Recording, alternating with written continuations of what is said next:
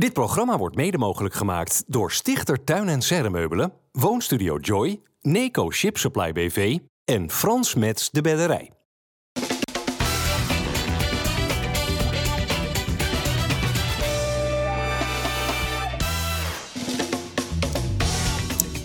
Goedendag dames en heren, hartelijk welkom bij FC Rijnmond op deze maandag weer meer dan een half uur praten over het Rotterdamse voetbal. Vandaag met eh, Henk van Stee, met eh, Dennis Kalenburg en met Geert den Oude. Geert, welke toptrainer haalde jou ooit naar de Graafschap? dat was niet Kalesic, dat was Henk. Was dat Henk? Heb jij ooit zo'n goede spits uh, tot je beschikking gehad? Ik moet zeggen, een hele eerlijke spits. En hij heeft gescoord tegen Feyenoord. Maar uh, wat ik heel mooi vond, is dat hij een keer is gaan stappen met carnaval. En dat hij met de volgende dag belde. Henk, sorry, ik ben vandaag heel laat. Uh, geen, geen smoesjes. Ik heb te veel gedronken. Ik, ik kom niet trainen. Oh, vond ik mooi. En wat waren de consequenties toen? Nou, omdat hij zo eerlijk was, niks. Oh. Nee, nee, nee. Oh, vond ik heel mooi. Het is een prettige ja. samen. Heel eerlijk. Nou, en nu samen aan deze tafel. Geert, ja. um, als je ook hele slechte wedstrijden wel wint, dan? Dan, uh, zeker als je het over kampioenskandidaat hebt, want daar doe je op, dan uh, is de kans groot dat je kampioen wordt. En uh, dat gaat nog steeds goed bij Feyenoord. We hebben de afgelopen weken uh, wat minder ja, wedstrijden gezien waarvan iedereen denkt na 60 minuten dit is gelopen koers. En, en, en nog steeds wint Feyenoord die wedstrijden. En tussendoor ook nog tegen Shakhtar eventjes uh, terugkomen van een achterstand op het laatst. Dus ja, dat stemt mij heel tevreden. Zit Feyenoord in een mindere fase? nou, dat vind ik niet vind nog steeds dat je kan zeggen, misschien mis je wat scherpte, maar je hebt ook met een tegenstander te maken die elke wedstrijd die Feyenoord nu thuis speelt, dan uh, de tegenstander graaft zich helemaal in. En ja. ik vind dat is juist op dit moment elke wedstrijd het geduld hebben van die goals gaan maar komen. En ze raken niet in paniek. Ze wisselen op tijd. Ik denk dat Slot en de rest van de technische staf dat uitstekend doen. Die hebben iedere keer wel een toegevoegde waarde. Dus ik, uh, dat was vroeger ook altijd bij Ajax zo. Als je daar naartoe ging, wist je van ik ga verliezen alleen met hoeveel.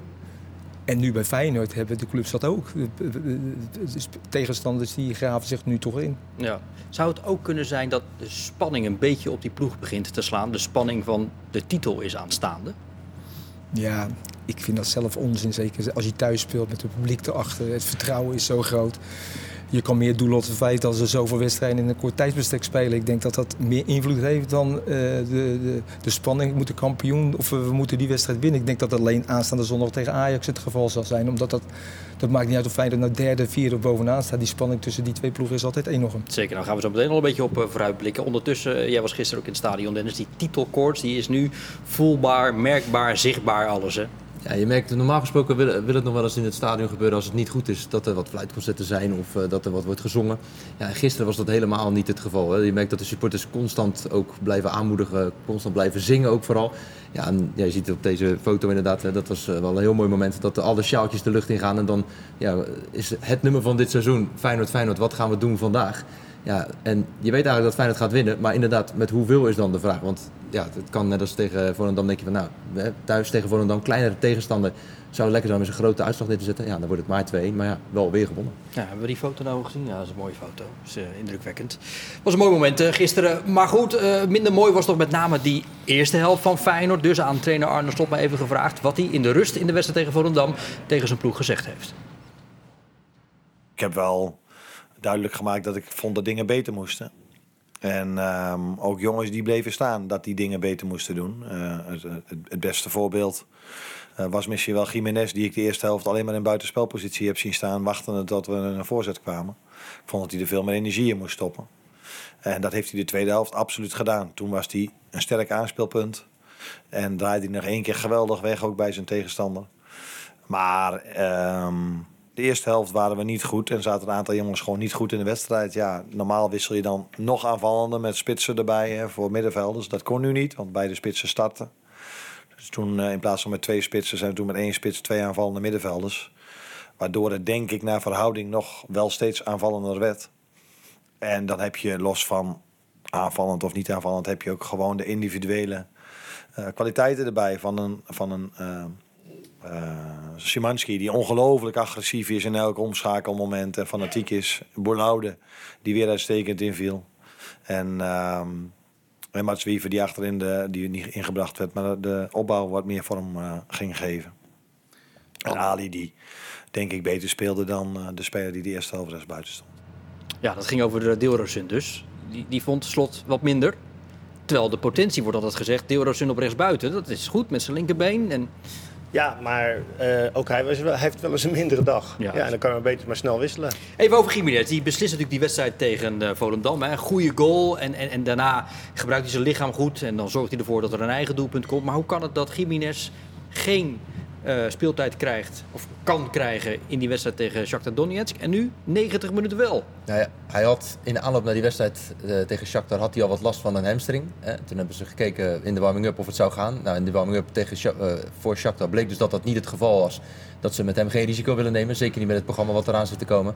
Um, nou, ze zijn teruggekomen naar Nederland. Hè. Zaterdag is hij weer getest in aanloop naar die wedstrijd naar Volendam. Ja, toen bleek hij geen last te hebben. Toen hebben ze gezegd, nou, dan kan hij spelen. Hm. En hij ging voor het eerst spelen samen met Danilo. Uh, Danilo soort van op 10 of met twee spitsen. Waarom beviel het niet?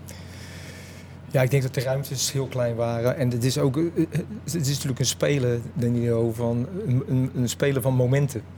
Ja, en er was weinig ruimte voor hem om echt tussen de linies door te breken. Omdat ze eigenlijk al op de, aan de handbalcirkel om ja. stonden. En, een muur, muur van oranje. En Danilo is toch wel een speler, als hij ruimte krijgt, kan hij hard werken, kan hij echt... Uh, met zijn creativiteit toch wel wat iets creëren. Maar is het toch niet een beetje teleurstellend wat hij de laatste tijd brengt, Danilo? Meestal als invaller. Ook voor hem geldt, en dat zie je nu aan Jiménez. Jiménez speelt nu wekelijks, bijna wekelijks. Uh, en dat zie je gewoon terug in zijn resultaten. En, maar dat geldt voor elke speler. Danilo speelt nu eventjes niet.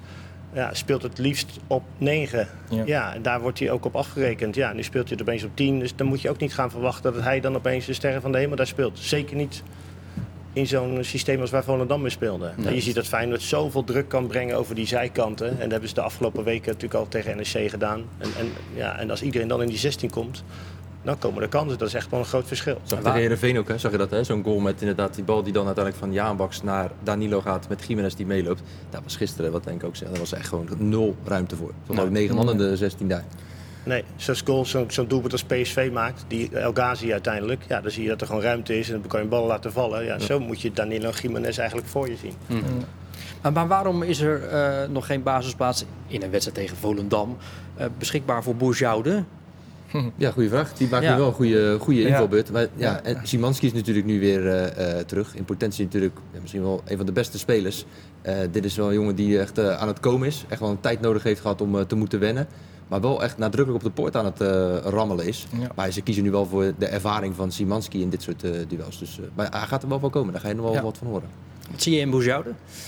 een speler die, die meerwaarde heeft, duidelijk. Maar dat vind ik bij heel veel van die spelers. Maar ze zijn allemaal, ook als je naar Idrissi kijkt. Ik ben het met Geert wel eens. Op het moment bij het begin dacht ik, wat heb je nou weer binnengehaald bij Feyenoord? Ja, en gisteren zag ik hem toch weer spelen, denk ik. Ja, moment, gisteren niet goed, maar die week daarvoor omdat hij veel speelt, dan krijg je vertrouwen. En als je vertrouwen krijgt, ga je ook steeds beter spelen. Maar ik heb daar wel vertrouwen in dat hij, dat hij door gaat breken bij Feyenoord.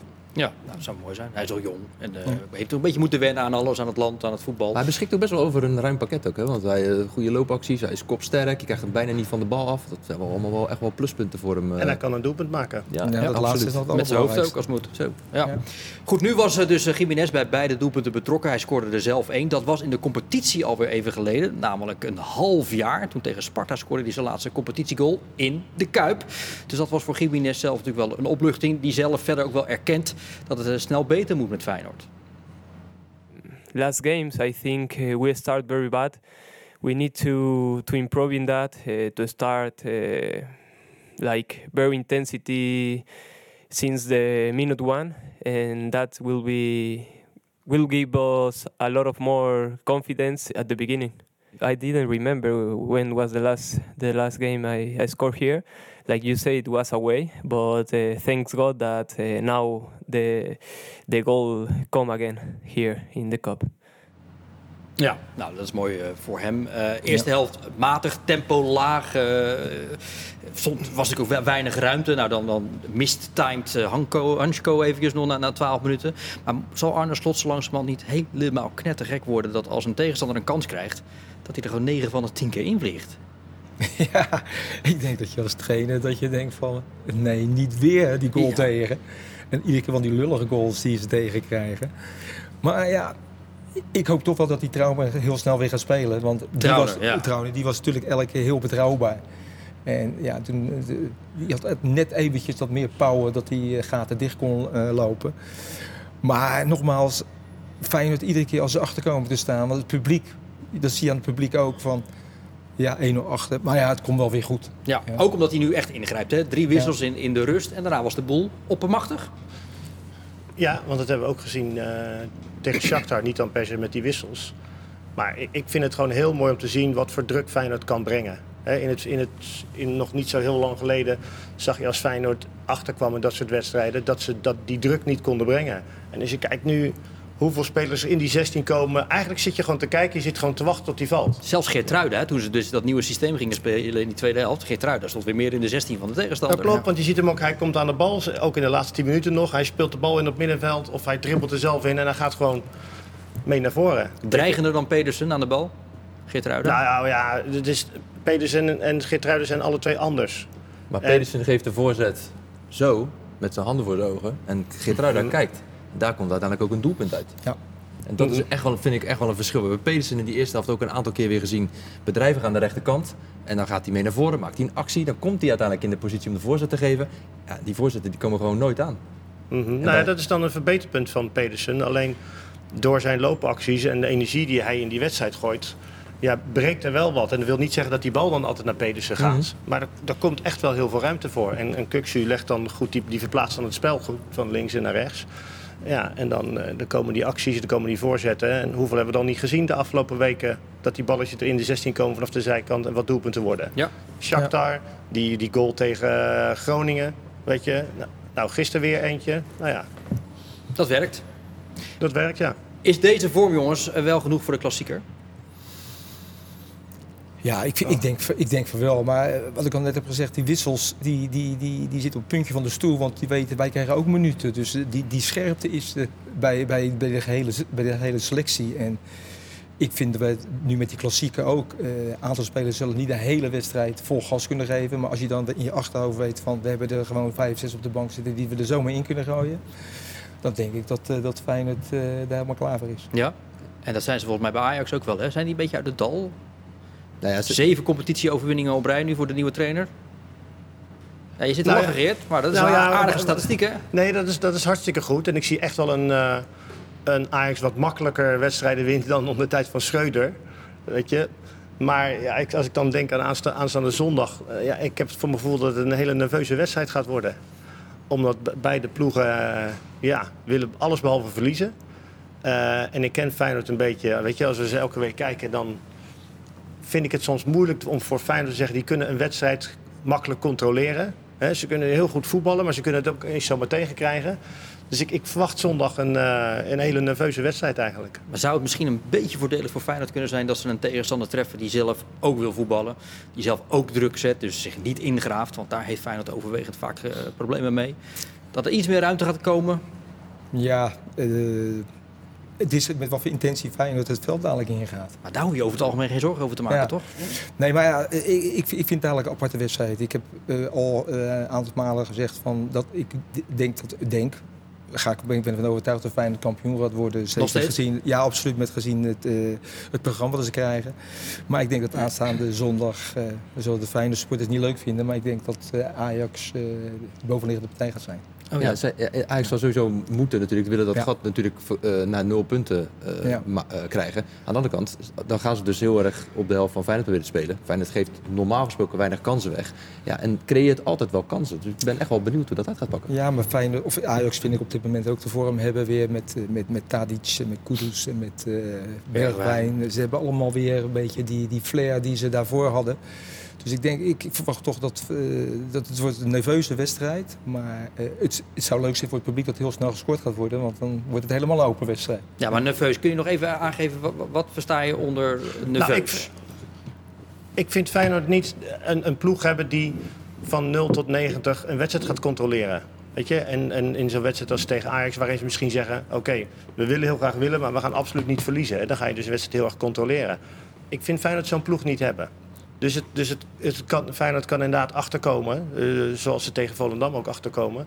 En dan weer helemaal de boel omdraaien. Maar even rustig een wedstrijd controleren of uitspelen... eh, bij, misschien bij een 1-0 voorsprong die Feyenoord heeft... Dat, dat zie ik niet zo zitten. Eh, gewoon door de spelers die ze hebben, door de, door de drang ook naar voren... Weet je, door de kwaliteit ook die ze hebben om naar voren te spelen. Feyenoord is geen, geen controleploeg. Gaan ze wel winnen? Daar kan geen uitspraak over doen. Omdat ik, dat is... Dat is Ja, dat- wat ja. Nee, nee, maar... nee, dat- Kom kijk, op, Geert, Als gewoon spits was je minder laf hoor. Nee. Nee, nee. maar- Luister, ik heb geen glazen bol voor me. Je verwacht nu van mij dat ik een wedstrijd die zondag Henk zegt gewoon heel duidelijk... Feyenoord wordt kampioen. Ja, maar hij zegt ook Ajax gaat de bovenliggende partij worden. Ja, dat dus, zegt maar hij. ik hoor Henk niet en zeggen dat dat zijn de uitspraken die we willen in zo'n Ja, Henk ja, niet ja. zeggen dat Ajax gaat winnen. Ik, nee, dat, eh, bij, dat zeg ik denk ik wel. Als ik mijn geld op moet zetten, dan zeg ik dat Ajax gaat winnen die wedstrijd. Ja. Nou, Geert, jij nu nog... Nou ja, ik kan er geen zinnig woord over zeggen. Ik heb alleen gezegd dat het een nerveuze wedstrijd wordt. En als ik zeg van, ja... Het enige wat ik gisteren... Ik zat gisteren te kijken, ik zat een beetje te appen met wat eh, vrienden. En toen kwam Feyenoord achter. En toen, ik, ik had die goal al zien aankomen. Ik denk, Volendam gaat scoren. Echt waar. En ik zeg maar, het gaat ook gewoon 2-1 worden, want het komt wel weer goed. Maar ja, dat moet ik dan in de wedstrijd zien. Dus app me onder de wedstrijd, Oké. na een kwartiertje. En dan zal ik je zeggen, Dan wie doe je een na, prognose. 90, na 90 minuten wie er gaat winnen. Ja, ja, oké, goed. Eh, het, het, is een, het is een wedstrijd onder hoogspanning. Hij zal geladen zijn. We gaan er een week ongelooflijk naar uitkijken. Maar laten we vooral niet vergeten dat voor die tijd op donderdagavond Feyenoord nog gaat spelen. Dat gaat Feyenoord wel winnen. Hoezo gaan ze zondag niet winnen dan? Dat weet ik niet. Oh. Maar deze wedstrijd gaan ze wel winnen. Ja. Dat weet ik wel. Oké, nou ja, het werd 1-1 in Polen. Eh, jij bent eh, hoofdopleidingen bij Shakhtar Donetsk geweest, eh, Henk. Wat verwacht je van eh, de return donderdag? Ja, ik heb het al eerder gezegd, dus ik ga niet van de hak op de tak. Ik, ik zeg, daar gaan ze gelijk spelen. Dat is gebeurd. Anders vond ik wel dat Feyenoord absoluut die wedstrijd moeten winnen. Ze waren gewoon stukken beter. In de slotfase met name. Maar ik verwacht wel dat ze nu thuis erop en erover gaan. Maar het gaat wel heel moeilijk worden. Ze gaan zich helemaal ingraven à la eh, eh, Volendam. Maar er komen een aantal spelers terug van, eh, van schorsingen. Verdedigers met name, hè? Met name verdedigers. En ze speelden echt niet goed. Ze vonden ze zelf ook dat ze niet goed speelden tegen Feyenoord. Maar ik, ik denk dat Feyenoord gewoon met 2-3-0 gaat winnen. En dat gaat zeker weer de laatste half uur gebeuren. Ja, jij hebt nog steeds contact met mensen binnen Ja. die club. Hoe onmogelijk is het voor die club nu om met topvoetbal bezig te zijn? Ja, verschrikkelijk moeilijk. Eh, iedereen in Nederland weet wat er gebeurt daar. Eh, het is vaak ook heel emotioneel. Hè. Zeker op de manier wanneer ze trainen. Want ja, minstens rings gaat dat luchtalarm af. Ze trainen in Lviv, hè? Ja, ze trainen nu in Lviv, maar ook de rest van de mensen die ook competities spelen. Maar het is, wat ik wat ik eerder gezegd heb, het is voor die mensen een bepaalde afleiding van... eh, ja, we kunnen eventjes ons focussen op alleen maar op voetballen. Maar aan de andere kant weten ze ook weer na een wedstrijd van... ja, het, er worden weer aan de front weer mensen gedood. Dus het is best heel moeilijk. Zeker, ik, spreek dan wel het, eh, met name met management. En die, ja, die hebben natuurlijk heel veel meegemaakt hè, van, van, van Donetsk. Eh, alles opgebouwd, eh, huizen, winkels, moeten vluchten naar Kiev. Daar weer in die vijf jaar alles opgebouwd.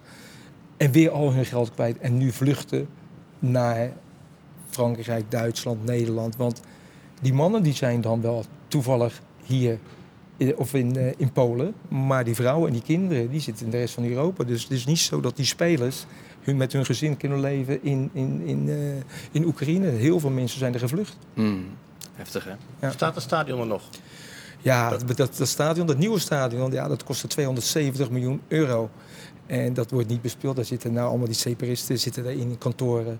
Als moet ik wel zeggen dat die Achmetov, die hebben natuurlijk ook allemaal wel mensen die probeert het eh, een beetje eh, ja, goed te houden. Alleen je weet, het komt daar nooit meer goed in die regio. Dus, Nooit meer? Nee, maar wel niet in die regio waar het eigenlijk in eerste instantie is gegaan. Dat is eigenlijk dat is dat, eh, dat, eh, die stad Donetsk. Ja.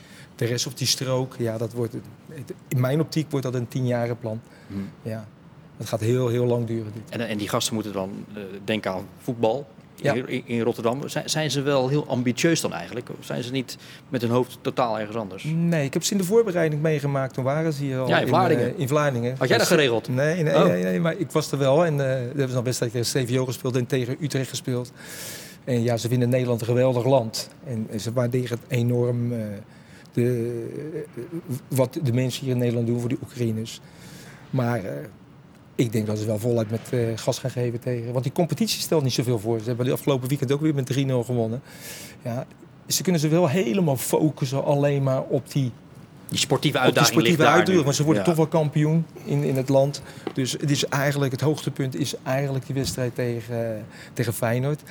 Staat heel wat tegenover dat ze niet gewend zijn, met uitzondering van uh, Raketski, Stepanenko, uh, niet gewend staan met zo'n stadion als Feyenoord met zo'n fanatieke aanhang. Dus ik ben ook heel nieuwsgierig hoe bepaalde spelers daarop gaan reageren. Ja, maar het stadion zit niet helemaal vol, hè? De hele Noordzijde, Noordzijde is uh, afgesloten. Oh ja, dat wist, ik, dat, dat wist ik niet. Want dat heeft wel enorm impact uh, op spelers. Zoals je die tunnel komt en je ziet dat uh, legioen dat geeft zoveel impact op jonge spelers. Die zijn eerst nog een kwartier aan het rondkijken en dan uh, ja. is de wedstrijd misschien nog gespeeld. Maar je denkt dus uiteindelijk dat ze het dus ook niet gaan redden. En dat Feyenoord die wedstrijd Feyenoord gaat, gaat deze, Feyenoord gaat deze wedstrijd absoluut... Nee, ik lijkt nu een beetje op Atemos. Hè? Dus nou, nee, jij, jij, jij durft gewoon wel voorspellingen te doen met een glazen bol. Nee, Geert durft nee, dat niet. Maar, Henk heeft het ook Twitter-adres, Henk 300. oh, ja. Ja, ja, Nee, maar dus, ik denk dat Feyenoord met 2-0 gaan winnen. Oké, en dat is dan gewoon met Simanski en Jaan Baks in de basis bij Feyenoord? Daar ga ik wel vanuit. Ja, zeker als je ziet ook gisteren wat Simanski dan ook weer brengt in die wedstrijd tegen FC Groningen. Hè? En wat Jaan Baks dan ook laat zien.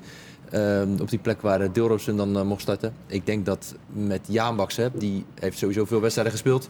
Gaf aan dat hij wat last van zijn knieën heeft. Uh, ja, na iedere wedstrijd. Na iedere wedstrijd. Maar ja, dat komt omdat ze natuurlijk zoveel... Hij heeft zoveel wedstrijden nu in een redelijk korte tijd gespeeld. Nou, nu dan een half wedstrijdje meegedaan. Dat hij ze zullen dat nooit zo zeggen, maar dat hij wel voorzichtig een beetje werd gespaard al richting die komende wedstrijd. Ja. We gaan het zien. Donderdagavond om kwart voor zeven zal Rijnmond natuurlijk een verslag van doen uh, op de radio. En dan gaan we er op vrijdag weer op uh, napraten. Feyenoord won dus uh, ja, gisteren moeizaam in de competitie van Volendam. Hoe anders was dat op het kasteel op zaterdagavond? Sparta won glorieus met 3-1 thuis van Vitesse. De dertiende en veertiende kopgoal alweer van dit seizoen, Henk. Gaat dat een mens vertellen? Ja, nee, maar ze zijn heel erg sterk met, met spelopvattingen. En Verschuren werd in het verleden een beetje onderschat. Maar je ziet toch dat idee naar de andere bal inkomt. Maar Bart Vriends. Ik heb vroeger zelf uh, Mitchell van der Graag uh, gehad. Ook, die was ook verschrikkelijk sterk in aanvallend koppen. Want dat was ook een, een, een, een iets wat een, uh, wat een voorstop is. Die kunnen verdedigen wel vaak goed koppen. Maar aanvallend niet. Maar Mitchell van der Graag kon dat. Maar ook Bart Vriends doet dat geweldig. Maar mensen hebben natuurlijk ook met Lauwens. En, ook nog normaal gesproken met, met. Hebben ze zo verschrikkelijk veel kopkracht. Ja. Dat je denkt van... Uh, en zeker, laat vergeet niet, degene die de paas moet geven, Vito van Krooi... Die heeft nu bekend, negen assists al, hè? Is bekend dat hij natuurlijk een geweldige traplijn geeft. Ja, ja. Maar, maar je zal zo'n verschuren zijn, middenvelder... en al acht doelpunten hebben gemaakt, deze competitie. Wat, wat is zijn geheim? Van Arno Verschuren? Uh, uh, hij, is heel, hij, is, hij heeft een goede techniek, hij is heel rustig aan de bal. Hij, hij kan oplopen met de bal en hij... Uh, ik denk dat hij een heel, heel goed gevoel voor positie heeft. Weet je, dus dat hij bijna een soort spitsgevoel heeft als middenvelder. En hij herkent wanneer hij diep moet gaan. Ja, want je ziet bijvoorbeeld... Hij kwam één op één uh, op het laatst voor Scherpen. En die schiet hij dan tegen Scherpen aan, terwijl ja. hij hem eigenlijk moet maken. Ja. Maar als je een veel moeilijker kans dat hij dan onderweg is... en waar hij eigenlijk geen keuze heeft... ja, dan komt hij dan onderweg en dan uh, kopt hij of schiet hij die bal. Uh, hij, hij scoort dit seizoen volgens mij ook uit een hele rare halve draai, geloof ik. de eerste helft van het seizoen, een doelpunt. Maar hij, hij, is, hij is een soort spits daar op middenveld. Ja, hij staat zijn mannetje daar en hij heeft gevoel voor die positie in de opbouw. Dus een hele complete middenveld. Ik denk dat echt wel wat serieuzere grote eredivisieclubs naar hem uh, op zoek zijn. Waar koop jij die giletjes eigenlijk waar jij in zit? Nu laat, je, laat ik maken. Laat je die maken? Ja. Ziet er uh, gesoigneerd uit. Ja, nou, dank je wel. Ja. Nou, vervolgens op, op verschuren, want het is dus een hinderlijk intermezzo. Maar... Uh, ja, je wordt helemaal van je stuk gebracht, weet je. Maar weet je... letjes die met iets minder goed ja. ja. moet ik ook nog tondeuzeltjes gaan... Uh, ja, word ik, iets minder. Word, word ik in zo'n telcel straks? Ga nou gewoon door met je verhaal. Je laat je weer helemaal van de wijs brengen. Dus ik denk dat er heel veel eredivisieclubs die, die wat, wat hoger subtop uh, clubs... en misschien ook wel in het buitenland subtop uh, clubs, Frankrijk...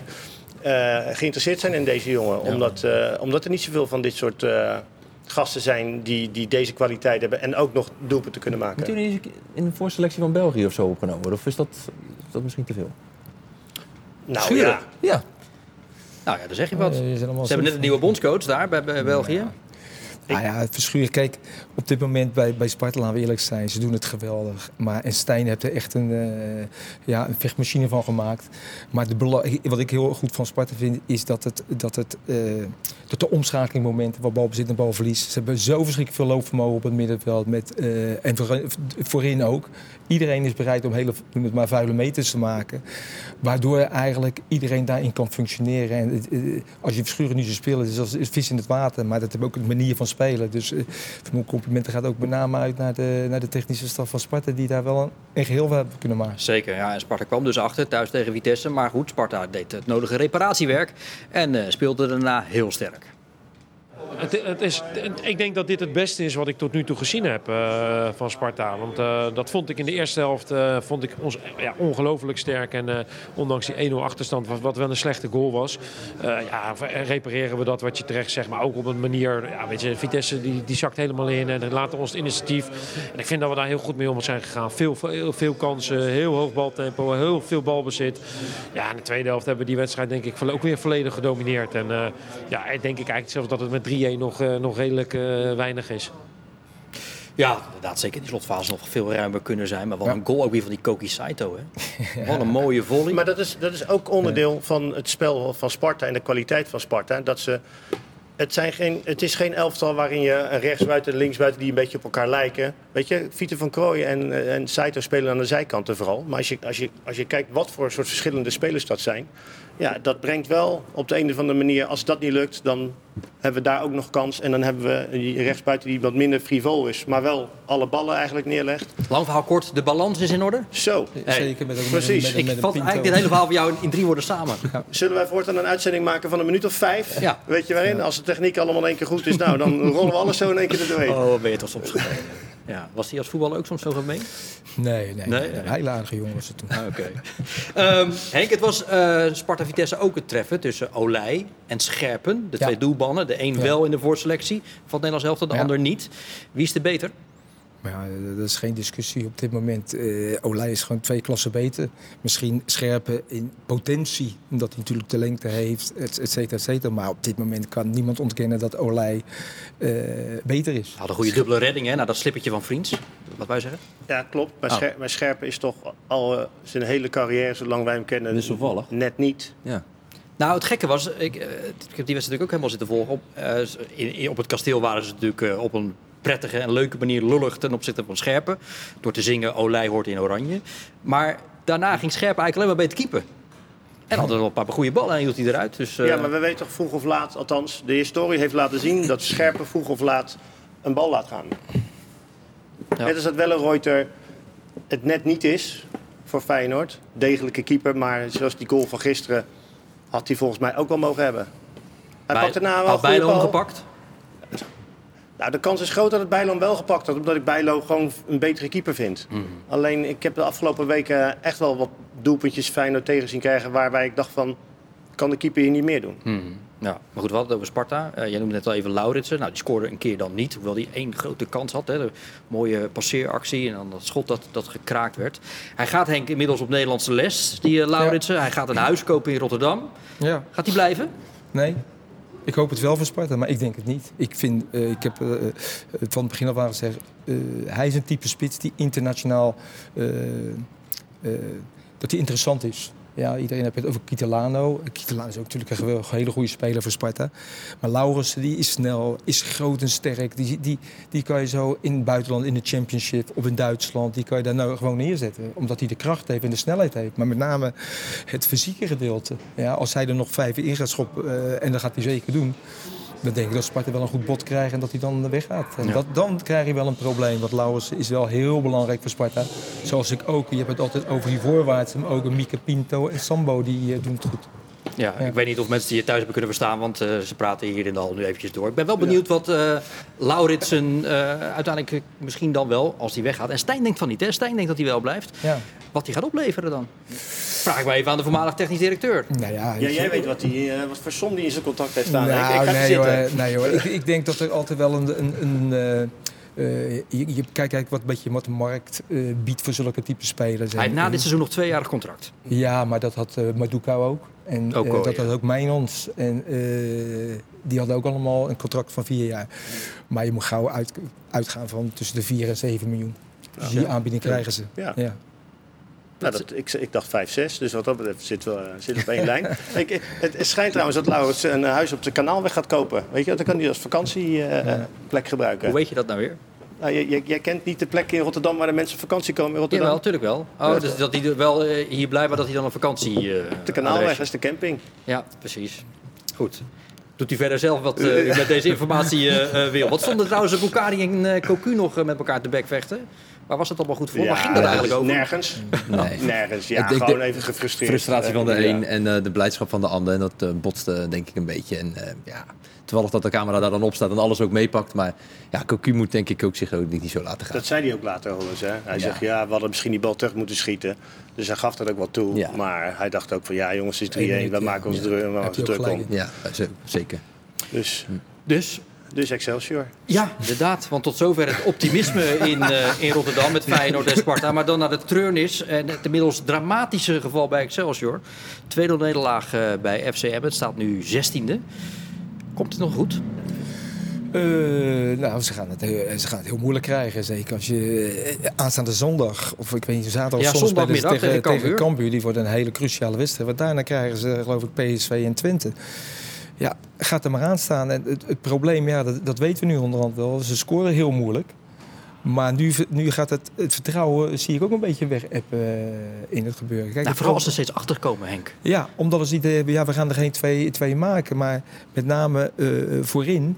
Ja, het is allemaal net. Ik, ik heb dat bij Sparta ook meegemaakt. Als ik dan nog eventjes als support aan het kijken. Is op het moment als je allemaal vijfjes, zesjes hebt. Dan ga je de ene week die erin gooien, de andere week die erin gooien. En ik heb zelf het idee van, uh, zet de reden laat hem nou maar staan. Want dan gaat hij ook misschien beter spelen. Of, of Van Duinen. Maar geef iemand, laat hem maar gewoon tien wedstrijden staan. Want het, het, het verschil is zo klein dat het op een gegeven moment gaat ook om een beetje vertrouwen. En net zoals bij Feyenoord, spelers gaan mee spelen, meer spelen, meer spelen. En dan worden ze ook weer beter, worden ze sterker.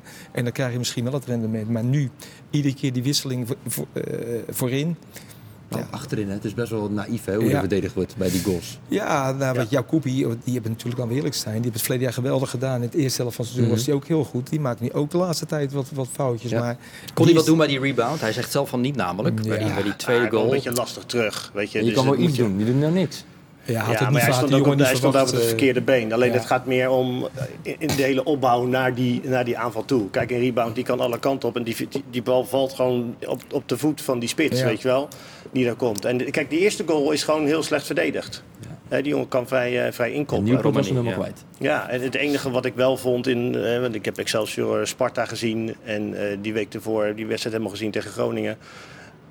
Excelsior speelde niet zo slecht. Uh, ja, zeker ook nu het eerste het uur eerste. Uur niet. Best, nee, uh, weet je, ze kregen. Ze kregen nog best ja. wel veel kansen. Ja, ja. Uh, alleen, precies. Alleen ja, dat valt dan niet, niet binnen. Hè, want ik merk wel aan Excelsior als Excelsior voorkomt of, of, of in ieder geval gelijk komt, niet een doelpunt maken bij 4-0 achter. Dan, dan gaan ze wel. Want ze, ze, ze willen wel graag naar voren voetballen en ze kunnen ook heel goed voetballen. En, speelde wel wat voorzichtig hè, op bezoek bij, bij Emmen. Ze speelden ja. nou, degelijk, maar het was wel... Ja. Uh, als het maar niet misgaat. Nou ja, dat, Beetje op de omschakeling dat begrijp ik ook, als je zo op de lang, ranglijst staat. Het, het, is niet echt een topvertrouwen als je... Maar, en maar je hebt het cliché, hè? De, Ga je er nu uh, eentje uit te kramen? Nee, nee, oh. nee, maar de angst om te verliezen ja. Ja, is groter dan de wil om te winnen. Ja, toch? Mm. Zo zeg je dat toch? Nou ja, ik uh, ja, heb het niet heel vaak gehoord. Ik vind het wel mooi deze. Ja, nee, maar dat, dat zag je ook. Want je zag een Excelsior van, ja, ze willen niet verliezen. Ze zijn toch wel, ja, die wedstrijd moeten winnen. Dat is nu aanstaande zondag ook weer het geval. Ja, we moeten van Cambuur winnen, in ieder geval niet verliezen. Ja, en de, ik denk dat het nu aanstaande zondag is, we moeten winnen. En ja. uh, Cambuur is ook beter gaan spelen. Dus ja, als Excelsior deze wedstrijd verliest, dan uh, zie je, heb ik er hard over in. Ja, nou ja, dat harde hoofd hebben we er al meer nu ook al in. Ondanks dat is trainer Marinus Dijkhuizen van Excelsior uh, nog wel best strijdbaar. Ja, die jongens doen er alles aan. En die zat ook geslagen in de kleedkamer. En we doen er met z'n allen alles aan. Dus wat dat betreft kan ik de ploeg helemaal geen enkel verwijt maken. Totaal niet, door de week niet, op wedstrijddag niet. Dus we moeten gewoon doorgaan. Je ziet ook, ja, we zijn niet minder dan Emmen. En Emmen staat nu helaas boven ons. Maar we kunnen, als we goed zijn en straks weer wat blessures terug hebben, ook nog punten pakken. En boven Emmen eindigen op de laatste dag bij Volendam uit. Dus daar, daar geloof ik heel sterk in en de boys ook. Ja, hij moet ook zo optimistisch zijn. En natuurlijk, hij heeft Azarkan er nu nog niet bij gehad. Hopelijk ja. is hij hier zondag wel bij. Mm -hmm. Maar, maar, ja, ja, maar ik, ik geloof jij... ook wel wat hij zegt. Weet ja? je, hij, hij zegt gewoon, ik kan niet meer verwachten van die jongens. Nou ja, Uh, als je dat, dan weet je in ieder geval als trainer dat je, ja, dat je alles aan gedaan hebt. Dan, is, dan, is, dan kan het teleurstellend zijn. Maar als je ook nog eens in deze fase hebt dat mensen de best niet goed doen... of ze maken een potje van uh, door de week op de trainingen... of op de wedstrijddag geven ze het niet thuis. Daar is geen sprake van, hè? Dat hoor je hem toch wel heel duidelijk zeggen. Ja, ja. En hij zei ook, uh, het was terecht, we waren niet minder dan Emmen. Dat vond ik ook. Nee, maar je verliest wel en staat dus nu 16e. En dat zou eventueel play-off zijn aan het einde van het seizoen. En dat, dat wil je natuurlijk helemaal niet. En het is natuurlijk eeuwig zonde na zo'n geweldige start. Hè? Die overwinningen bij Cambuur en Vitesse. Hebben ze misschien een beetje boven hun stand geleefd? Nou, die wedstrijd tegen Cambuur sowieso. Want daar... Uh, oh, de, ja, dat heb ik ook gezien. die, die, dat ja. was echt eigenlijk drie punten voor uh, Cambuur. Maar uh, ja, ja, ze wonnen. Het, het, ging uit de andere kant op, ja. ja. dat heb je wel eens in het seizoen. Nou, maar zeker dat de concurrent die eronder zit. En Groningen, die zie je toch wel weer stukken beter spelen. De afgelopen week tegen Feyenoord, maar ook dit weekend. Ja, ik verwacht wel dat Groningen eroverheen gaat. En dan sta je wel 17e. Ook al sta je van Cambuur winnen, dan zie je met Cambuur 1 uh, Excelsior. En, uh, het, is, het is wel heel jammer, want uh, het zag er niet uit bij het begin van het seizoen. Nee, zeker niet. Maar goed, en we hebben nog even te gaan. Hè. Laten we het Absoluut. zo dan maar aanvliegen. We hebben nog even, dat geldt ook voor Feyenoord. Ja, we hebben nog even. Maar niet voor deze uitzending, Geert. Dus ik nee, weet niet of je nu nog onderwerpen wil gaan aansnijden, maar nee, ik moet gaan afronden. We, we hebben nu 35 minuten te kletsen. En, ja, uh, dat was wel amusant, vond ik. Ik stelde net voor om het binnen 5 minuten te doen nou, ja, de volgende keer. Ga ik niet mee akkoord met dat voorstel. Nee. We gaan het gewoon uh, op vrijdag weer doen, weer 35 minuten. En de volgende keer weer met Henk van Stee ook. Wel bedankt. Kom okay. een keer in de Sparta-podcast. Dat zal je ook op het lijf oh. geschreven zijn. Bij deze uitnodiging. Dennis Kranenburg en Geert Oudebel, bedankt. Als gezegd, uh, ja, die Sparta-podcast is er trouwens woensdag weer natuurlijk hier bij Rijnmond. En donderdag doen we een verslag van de Europa League-wedstrijd van Feyenoord tegen Shakhtar Donetsk. Mede namens de heren hier aan tafel, dank voor het kijken en graag tot vrijdag. Dag.